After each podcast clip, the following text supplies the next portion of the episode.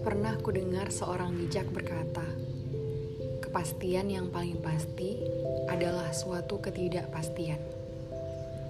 Segala kondisi dan situasi yang kita alami saat ini adalah kejutan yang sebagiannya tidak pernah kita rencanakan, atau bahkan terbesit dan terlintas di pikiran kita. Sebagian yang membahagiakan dan sesuai rencana tentu akan sangat menyenangkan dijalani.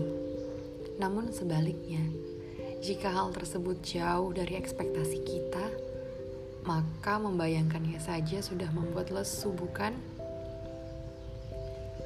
Namun, kita tidak mungkin mencela langit. Langit yang sudah berbaik hati memberi tempat berlindung dari kejamnya kehidupan dunia. Kita juga tidak mungkin mencela matahari yang sudah berbaik hati memberi nyawa kehidupan dengan kehangatannya atau mencela bulan. Kita juga tidak pantas mencelanya. Di gelapnya gulita, di dingin dan kejamnya malam, ia berbaik hati memberi secercah harapan. Waktu memberi kita kesempatan untuk belajar dan menyadari bahwa di balik ketidakpastian yang kita yakini kehadirannya, akan ada kepastian yang tiada beban yakni kehendak Tuhan.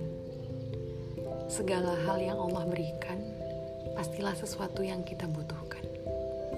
Yakinlah bahwa tidak mungkin Allah yang Maha Adil memberikan sesuatu yang buruk bagi hambanya.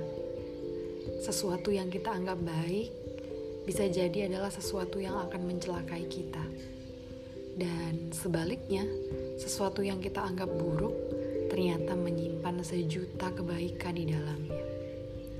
Jadi, daripada bersedih hati, cobalah untuk memberikan senyuman terbaikmu. Jika sulit kau lakukan untuk orang lain, maka tersenyumlah pada dirimu sendiri terlebih dahulu.